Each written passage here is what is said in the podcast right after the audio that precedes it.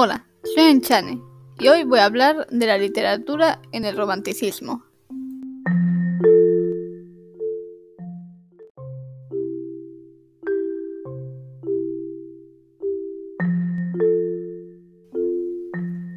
Las características del romanticismo son el ansia de libertad, la exaltación de la fantasía, la importancia de las emociones, la literatura pesimista, ello pasa a un primer plano y otras tantas más.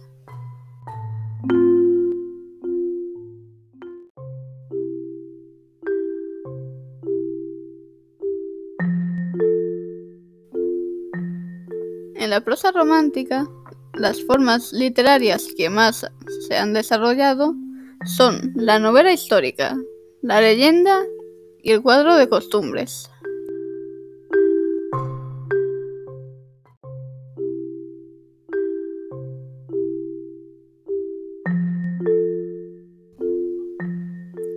La lírica romántica se utiliza para transmitir sentimientos fuertes, el resultado de una profunda reflexión o la manifestación de alguna experiencia del autor.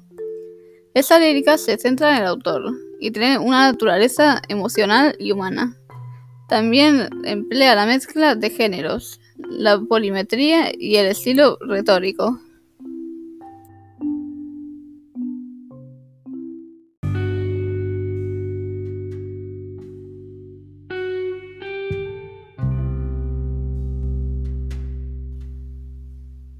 Mariano José de Larra fue un escritor romántico, periodista y político español que impulsó el desarrollo del género ensayístico. Sus ideas surgen gracias a la Ilustración española. Algunas de sus obras son Macías, El pobrecito hablador y Vuelvo a ser mañana.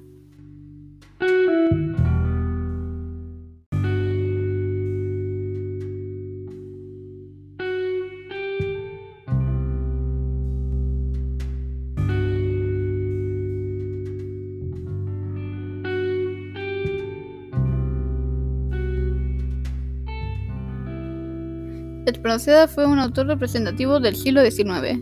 Los tres aspectos que destacan en su vida son el político, el amoroso y el literario. Sus poemas, El estudiante de Salamanca y El diablo mundo, hacen de su poesía una de las fuentes esenciales del modernismo. Espronceda reúne las características del héroe romántico, pasión amorosa por una mujer casada, destierro y su muerte temprana en la plenitud de su vida.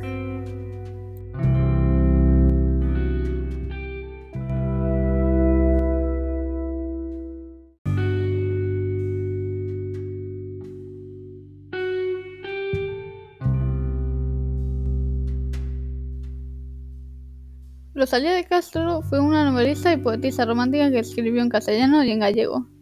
Fue considerada uno de los grandes poetas de la literatura romántica española y la precursora de la poesía española moderna. Sus tres obras clave son Cantares gallegos, Follas novas y En las orillas del Sar.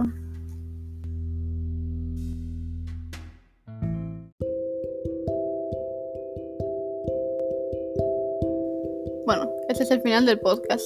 Espero que os haya gustado. Hasta la próxima.